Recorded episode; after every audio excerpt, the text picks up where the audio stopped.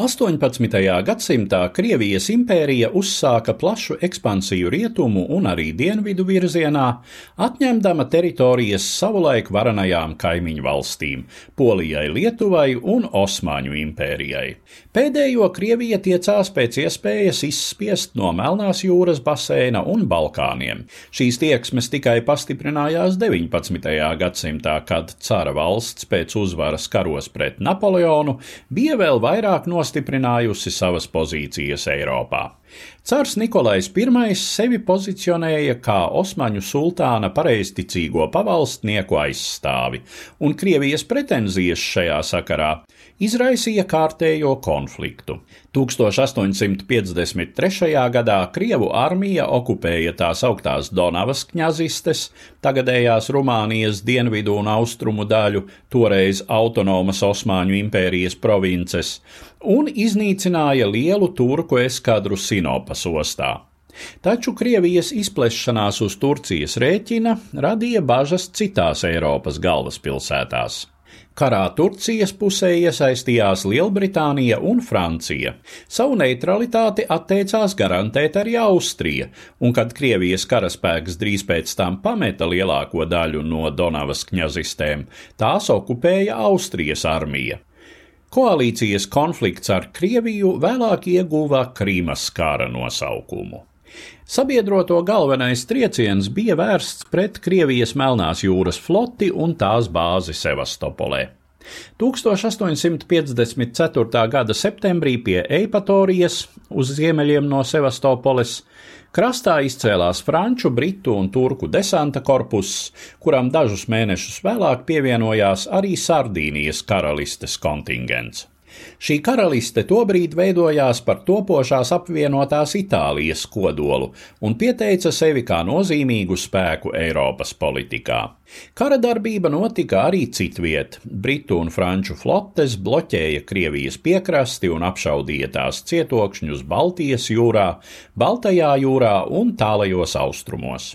Cara valsts iespējas aizstāvēt Krīmu izrādījās nepietiekamas. Dzelzceļu, kas savienotu valsts centrālos rajonus ar dienvidu provincēm, vēl nebija, zemes ceļi Krievijā bija tradicionāli bēdīgā stāvoklī. Savukārt Krievijas pretiniekiem bija plašas iespējas piegādāt papildspēkus un kara materiālus pa jūru. Sevastopole gan sīksti pretojās, un to ieņemt izdevās tikai pēc gadu ilgušas blokādes 1855. gada septembrī, taču pēc šīs svarīgās flotes bāzes zaudēšanas tālākā Krievijas pretošanās bija bezjēdzīga. Abas puses sāka meklēt konflikta noregulēšanas iespēju. Miera sarunas Parīzē sākās 1856. gada februārī un risinājās samērā viegli, cik tālu Francija, kurai nebija īpašu interešu Melnajā jūrā, mīkstināja sabiedroto kopējo pozīciju un padarīja miera noteikumus Krievijai samērā pieņemamus. Parīzes mierlīgums, kas noslēdza Krimas karu, tika parakstīts 1856. gada 30. martā. Saskaņā ar mierlīguma noteikumiem Krievu armija atstāja visas tās kontrolē vēl esošās Osmaņu teritorijas aizkaukāzā un Donavas kņazistēs. Krievija zaudēja daļu no Besarābijas, nepilnus desmit tūkstošus kvadrātkilometru tagadējās Moldovas dienvidos un Ukrainas dienvidrietumos. Šo teritoriju Krievija starp citu atguva pēc nākamā Krievu turku kara 20 gadus vēlāk.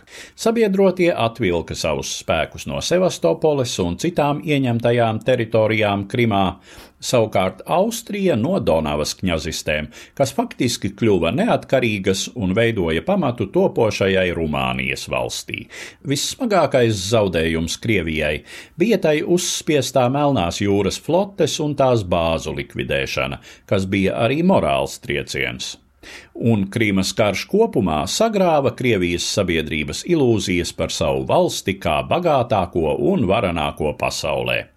Atklājās Krievijas pamatīgā atpalicība tehnoloģiju, pārvaldes institūciju un tautas izglītības ziņā.